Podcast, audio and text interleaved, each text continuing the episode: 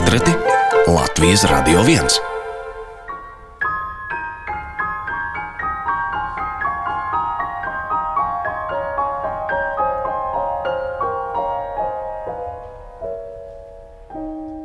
Kā vārdos ieteikt baletdejotājs radītos tēlus, kā atspoguļot pārdzīvojumu, ko rada žests vai kustība, kas kopējā baleta izrādē panāk tik daudz ko. Es mēģināšu, jo vēlos iepazīstināt ar latviešu baletdejotāju, kas veido spožu karjeru ārpus Latvijas. Viņas vārds Anna Laudere, Hamburgas baleta trupas vadošā soliste. Šajā trupā Anna Laudere ir jau 17 gadus. Nozīmīgs viņas dejotājas dzīvē izrādījies choreogrāfs Džons Neumājers. Salīdzinoši nesen, 2017. gada vasarā, pirmizrādi piedzīvoja Neumājera baleta izrāde Anna Karēņina. Ļoti īpaša baleta izrāde.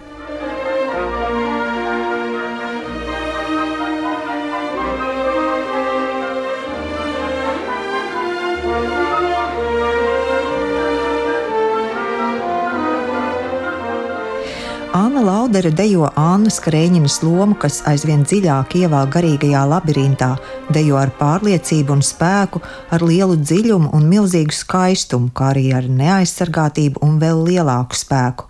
Tā par latviešu baletdejotājas Annas lomu Džona Noimājera baletā Anna Karēņina var lasīt baleta žurnālā. Izlasot šo, gribas redzēt un piedzīvot Ānas Karēņinas stāstu. Mani sauc Laima Slava, un mana viesošanās Hamburgā sakrit ar citu brīnišķīgu notikumu ar choreogrāfa Džona Noimājera baleta Kamēlija dāma 40. jubileju, ko svin novembrī. Nākamajā dienā pēc izrādes tiekos ar Ānu Lauderi. Mūsu saruna notiek Hamburgas operas baleta zālē, ir svētdiena, dienas vidus, un neviens mūs netraucē. Margaritas loma dejo kādus piecus gadus, un tā kā šai Džona Noimājera choreogrāfijai novembrī aprit 40, par to arī sarunu sākam. Es zinu, ka visā pasaulē visi grib nodejot Margaritu. To es zinu pilnīgi noteikti. Protams, viņam ir ļoti daudz citu skaistu, burvīgu baletu, bet kaut kā šis ir pilnīgi tāds iegājis kā kulta balets pilnīgi. Un Es vakar vēl tieši par to padomāju, pirms es gāju uz skatuves, jo šobrīd ir jau vairākas reizes dejots, bet um, es atcerējos pirmo reizi. Un es atcerējos to sajūtu, ka es stāvēju aizklausies, un es nevarēju sagaidīt, kad viņš sāksies. Kad sāksies mūzika, es varēšu iziet uz skatuves, un man gribējās, lai viņš nekad nebeidzās. Un tā sajūta man bija pirmo reizi, ka es nebiju vispār nervoza. Man vienkārši gribējās iziet uz skatuves ātrāk un izdzīvot šo burvīgo piedzīvojumu trīs cēlienos. Tas ir arī emocionāli, manuprāt, ļoti sarežģīts piedzīvojums. Sarežģīts, bet ļoti skaists. Es katru reizi pārlasu kaut kādas daļas no grāmatas. Un saprotu, cik ļoti skaidri un pilnīgi detalizēti ik pa brīdim var redzēt, kā Džons ir pilnīgi pēc grāmatas, kā viņš ir izveidojis to baletu. Un, un Margarita ir tāda skaista loma, traģiska, bet ļoti skaista, ļoti emocionāla. Tā kā ir trīs cēlieni, ir tiešām iespēja viņu izdzīvot no līdz. Tā kā tas ir tiešām tāds emocionāls piedzīvojums. Laikā, kad plānoju tikties ar Annu, sekoju līdzi, cik saspringts ir viņas izrāžu grafiks. Te piemērs. 7. un 8. novembrī izrāde Beethovena projekts, 10. novembrī Kamēlija dāma, 9. decembrī paredzēta pirmizrāde baleta vakaram Brāms Balančīns, un noteikti ir vēl daudz kas cits, ko es nezinu. Jā, mēs šobrīd gatavojam intensīvi, kā arī gatavojam Džona Neumajera Orfeju. Tā ir opera, un tur arī piedalās balets. Tā kā mēs šobrīd to ļoti intensīvi gatavojam, tas tāds vēl nebijis. Vismaz manā laikā, kad es esmu šeit, nav pieredzēts, ka opera ir kopā ar baletu. Tā kā būs liela pirmizrāde, būs piektais māla simfonija, ko arī mēs šobrīd gatavojam, un rīkstkodis, ko paralēli gatavojam Donkihots. Tā kā darba ir daudz, un tas ir labi. Kas man ļoti fascinē ar Džonu Noimajeru, ka viņš, cik es esmu šobrīd 17 gadus trupā viņš vienmēr ir centies trupu iepazīstināt ar jauniem darbiem, jauniem veciem darbiem, teiksim, tā, izrādēm, kuras ir ļoti svētīgas. Es uzskatu, katram dejotājam stila ziņā. Kā arī tehnikas ziņā, šobrīd, piemēram, ir Donkihots, kas ir no Rieva. Tas ir, ir pilnīgi cita tehnika, tas ir pilnīgi cits darbs. Mums bija pierlakota silfīda, kas arī ir pilnīgi savādāks darbs, kur tev ir ļoti korpus jāpārliekās pāri. Nu, izskatās, ka tu tāds saliecies dejo, bet viss tas stils un ka tas viss kopā tiek izpildīts jūt atšķirību. Un kā arī balančins, tas ir pilnīgi cits stils, tas ir arī pilnīgi savādāks darbs. Viņš vienmēr cenšas trupu iepazīstināt ar dažādiem stiliem kas ir uzskatu, ļoti vērtīgi un nepieciešams dejotājiem. Bet uh, par Džona Naimaiera Ānu Karēņinu tik daudz var lasīt arī specializētos izdevumos, kā baleta žurnālos, un jūs tur tiekat īpaši izcelt. Kā jums devās rokā šī Ānas, manuprāt, ļoti sarežģītā, bagātā jūtu pasauli skatuves tādā dejas valodā? Nu, man jāsaka tā, ka zinājām, ka nākamā gadā, nākamā sezonā Džons Noimērs studēs Annu Kareņinu. Man jau sirds apstājās, un mēs nekad nezinām sastāvus. Tā kā sezona sākās, un tas bija 2. septembris, kā tagad atceros, bija izlikts mēģinājums man un, un manam vīram, Edvinam Revāzovam. Un es tādu padomāju, nezinu, vai tas ir tieši uz Annas lomu, ja varbūt uz kādu citu lomu, bet es jau biju nenormāli laimīga, ka es būšu tajā baletā. Un tad, kad es sapratu, ka tas tiks studēts uz mani, man bija tāda sajūta, ka sākām ļoti agri. Mēs sākām septembrī, un tas darba process bija visa gada garumā. Nu, tā periodiski, jo Džons nebija šeit, viņš bija atkal. Man liekas, ka tas nenotiek ar mani. Man liekas, es pamodīšos. Es nodzīvoju tādā vienkārši burvīgā sapnī un laimē. Un tas tiešām pat vārdos nav izsakāms, cik tas bija skaists. Un tieši tas laiks, ko mēs pavadījām ar viņu zālē, kā tas viss tāpat. Jo, kad izrādi jau ir, tad, protams, skaisti, un, un kad tu viņu dejo un izjūti, un ar katru izrādi nāk tās sajūtas vairāk klāt, un dažādas izjūtas, un, un kad tu iejūties vairāk lomā, un tu sāc variēt dažādās vietās savādāk izjust. Tas ļoti interesanti, bet tieši tas viss process, kā tas top, un tas laiks pavadītais ar viņu zālē, nu, tas ir kaut kas, kas ir absolūti neatņemama daļa, kas ir daļa no manis. Tas tiešām ir tāds brillants, var teikt. Šī choreogrāfija un tā lomas interpretācija ir tāda mūsdienīga, var tā teikt. Viņa ir gan mūsdienīga, gan tā kā viņš vienmēr runā par to, ka šī grāmata ir mūsdienīga. Jo īstenībā visas šīs problēmas ir vēl joprojām aktuālas ar to, kā sieviete tiek uztverta tomēr mūsu pasaulē arī teiksim, zināmiem cilvēkiem blakus. Un, un balets ir um, uztaisīts tā kā vairāk mūsu laikā, bet tas stāsts ir tik skaidri un patiesi izveidots. Es pat nu, nevaru iedomāties, kas viņi varētu labāk pastāstīt kustībās un uz skatuves, jo grāmata ir Kāra, kā mēs zinām, grāmata ir ļoti sarežģīta, ar ļoti daudz cilvēku problēmām, īpašībām, mīlestības stāstiem un traģēdijām. Un tas viss ir, man liekas, vienkārši ģeniāli uz skatuves attēlots. Jūs eh, ne tikai šajā Annas Karēņinas, bet arī citos iestudējumos esat kopā partnerībā ar savu vīru Edvīnu. Vai tas rada kaut kādas sarežģījumus, vai gluži pretēji ir vienkāršāk? Jūs varat arī kopā mēģināt un mēģināt. Un...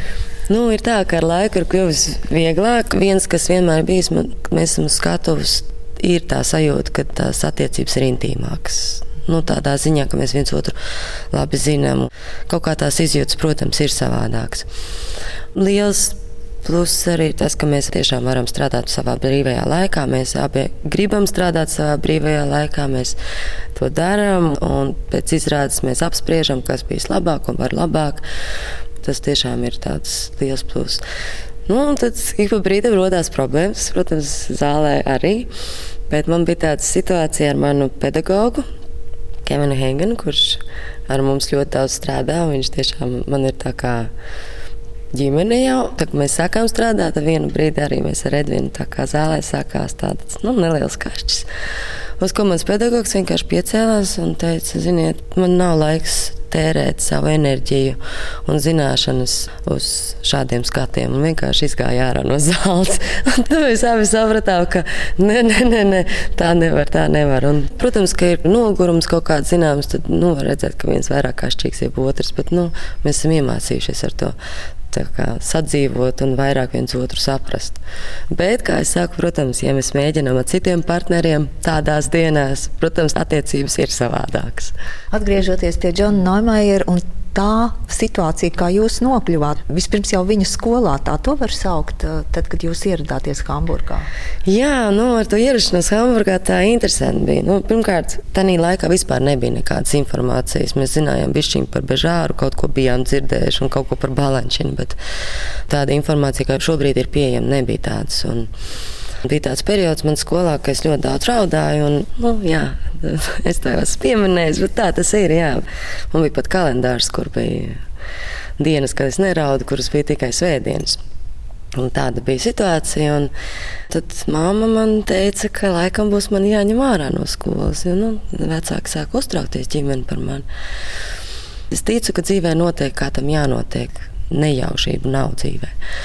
Un papam šeit bija draugi Hamburgā. Viņa teica, ah, šeit ir kolosāli vienkārši trupa. Un, Tā kā mamma teica, ka nu, ir jābrauc, jāparaudās skolā, ka varbūt paņems. Es ļoti negribēju. Es tāds vienīgais bērns ģimenē, man ir suņi, kaķi, omīte, māma, paps, nekur es nebraukšu. Un, tā kā tur jau baleta nav, nekāds balets nekur citur izņemot Rīgā, Krievijā, un Pēterburgā un Maskavā nav. Nu, tāda bija tā saprašana. Un tā, tomēr mamma pateica vainu vainu, tad es ierados, pārbaudījos, man paņēma. Tad es teicu, bet es nebraukšu. Māma teica, nu, es tev ņemšu ārā no skolas. Es teicu, labi, es aizbraukšu tikai uz mēnesi. Nu, tad mamma man pierunāja, palikt uz pusgadu. Tad viņa man pierunāja, ja es vienu gadu esmu pabeigusi skolā, vēl vienu gadu. Un tad vienā mirklī es sapratu, Pirmais gads bija grūts. Es neko nesapratu, godīgi sakot, kas notiek. Nezināju valodu, nezināju, ar ko es strādāju, nezināju, kas īsti ir Džons Neumajers. Un tā situācija arī bija piešķiņa smaga, ka es atgriezos mājās. Un, protams, vienmēr ir nācis teātrī, un ja man interesē, kā un, un kas. Man pateica, apmēram, es esmu kaut kādā pulciņā, nu, ka tur jau nav balets.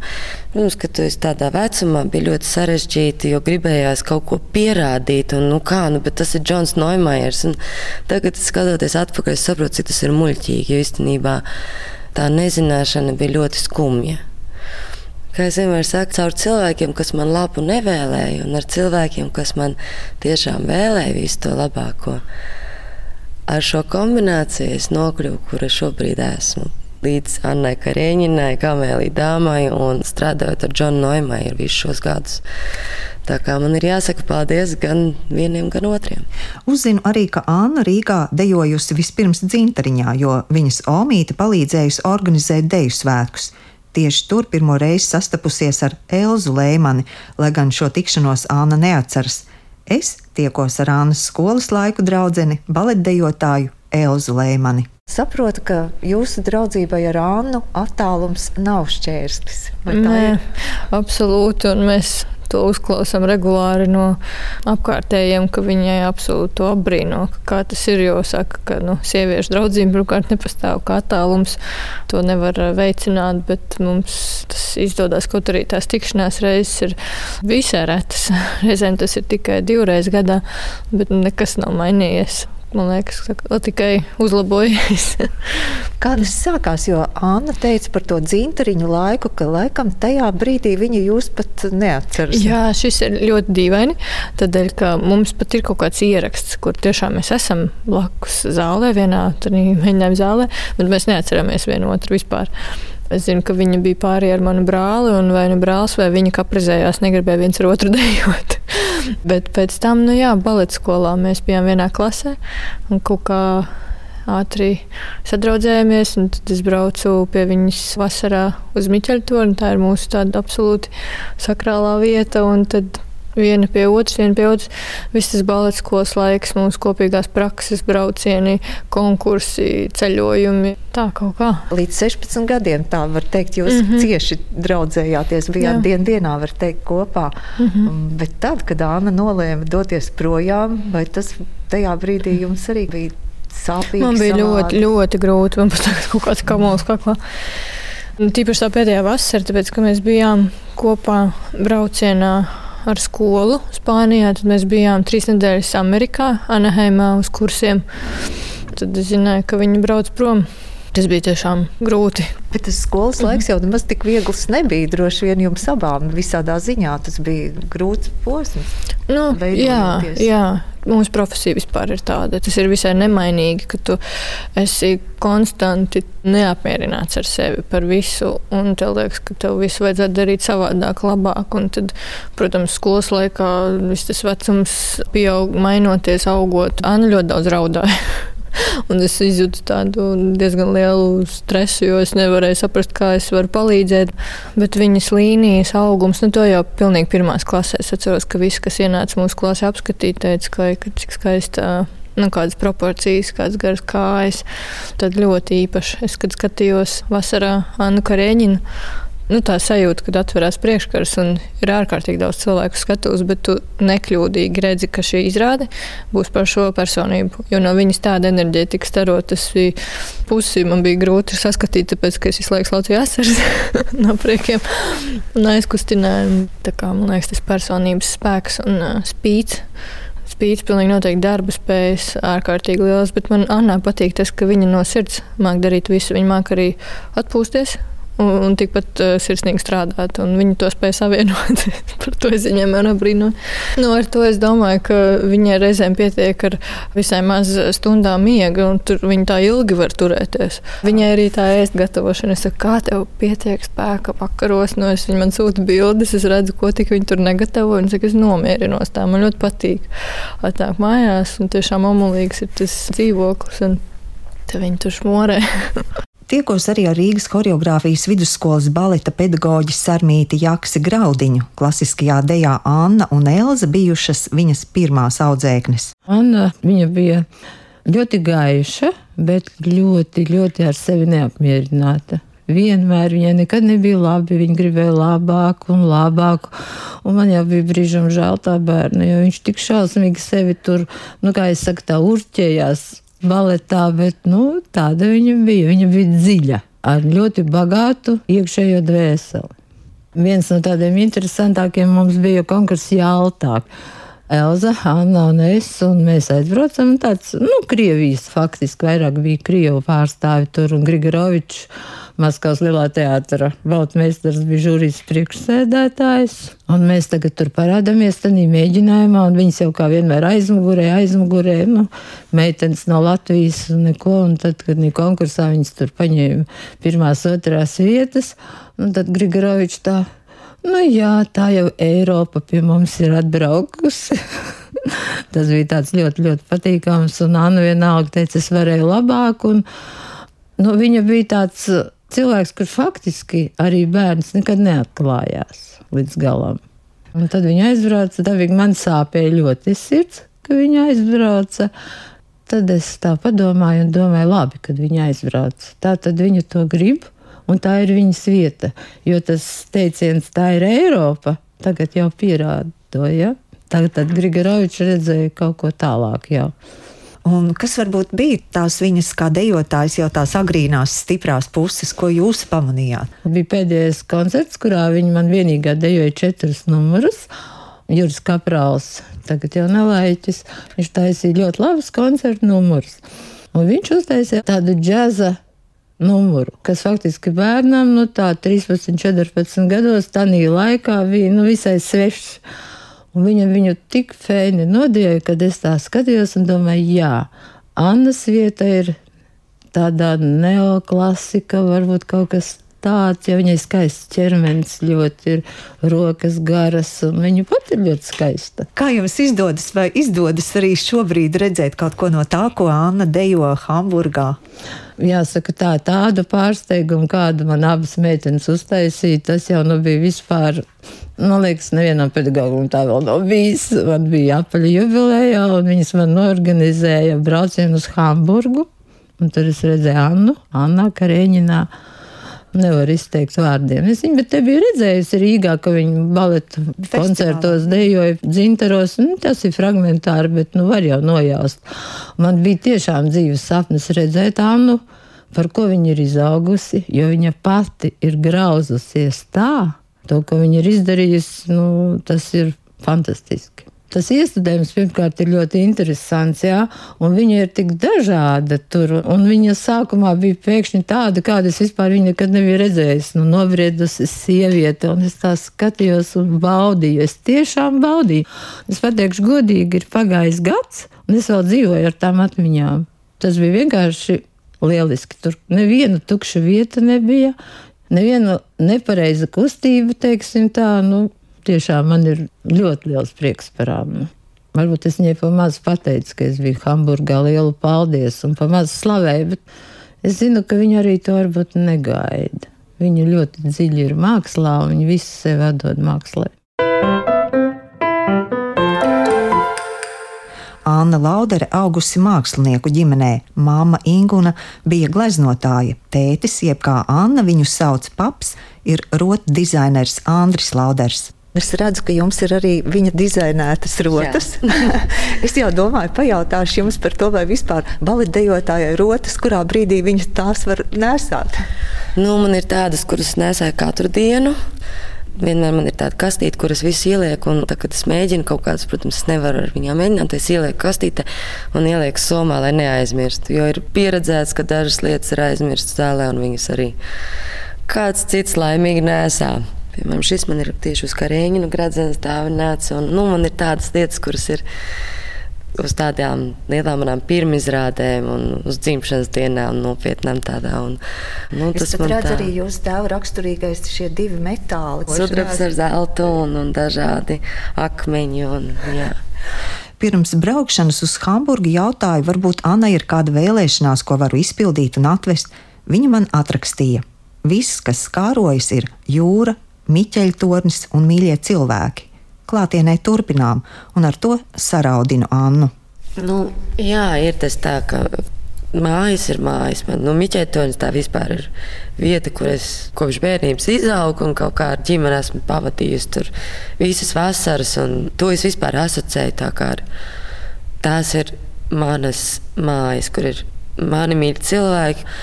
Kaut kā Miķētonis ar to savu auru arī tā ir tāda priekš manis ļoti īpaša vieta. Un tā kā es vispār ļoti mīlu ūdeni, un turpat tās blakus ir jūra un, un tas klusums un mežs, un kur nav neviena cilvēka apkārt.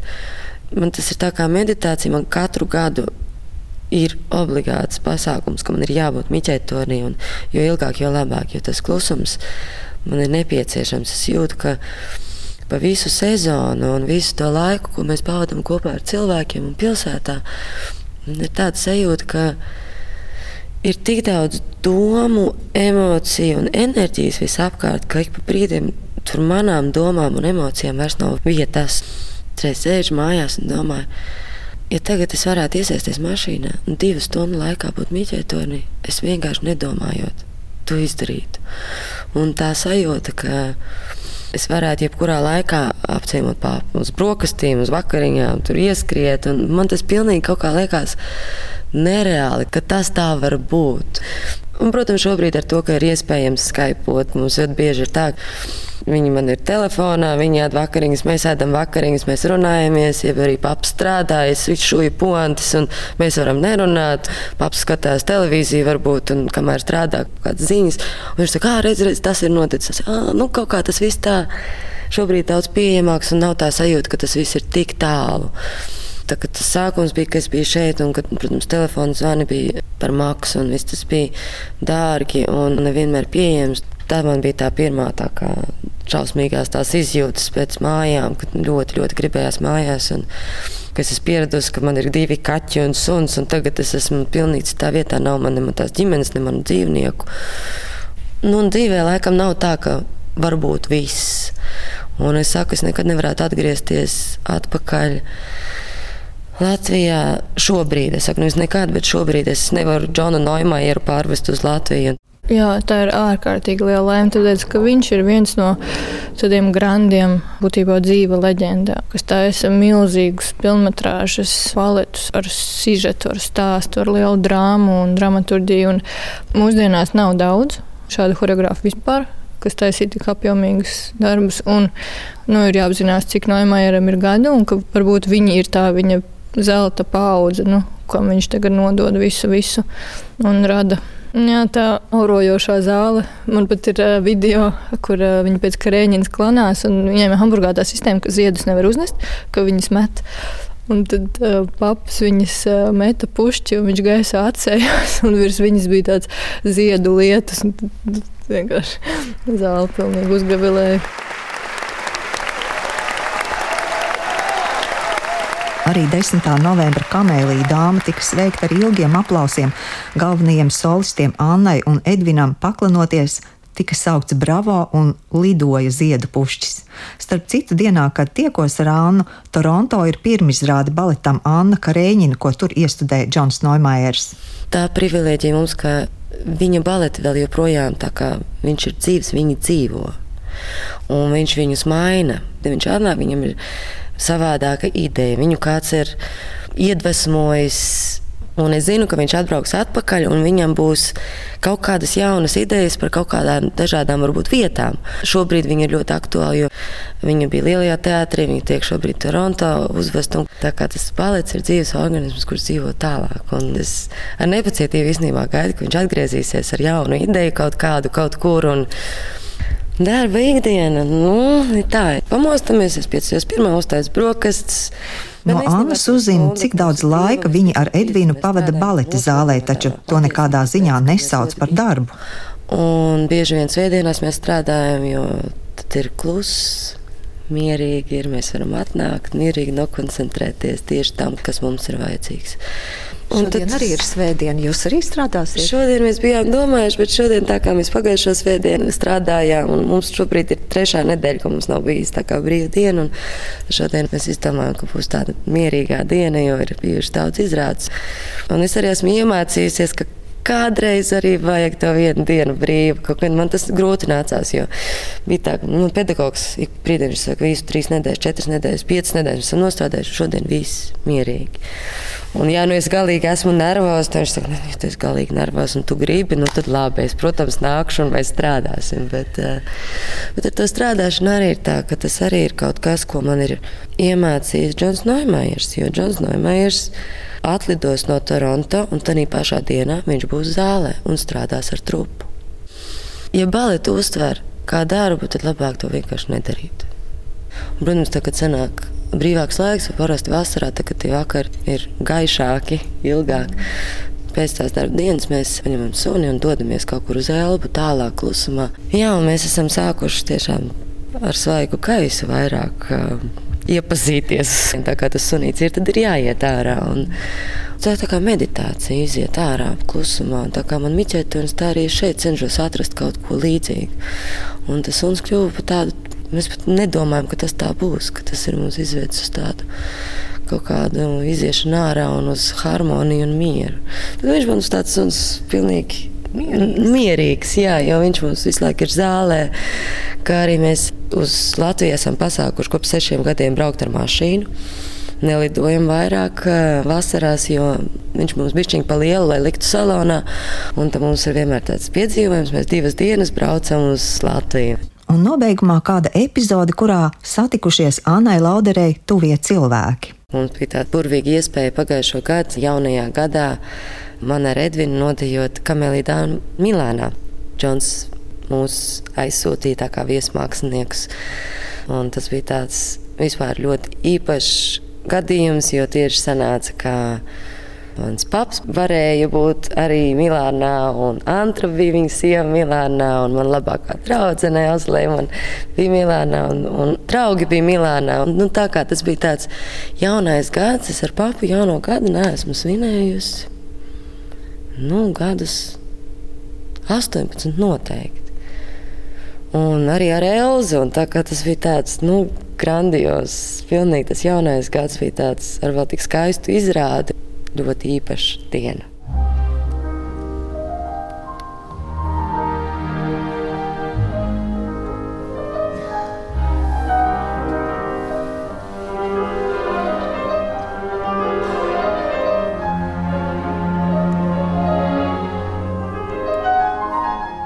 es gribu un es atgriezīšos mājās. To man jau esot Latvijā valsts svētku laikā atraksta Anna. Viņa to nesot paspējusi pateikt intervijā. Taču pašlaik Hamburga un Džons Noimajers. Šo stāstu par talantīgo baledejotāju Annu Lauderi veidoja Laima Slava un Valdis Raitums.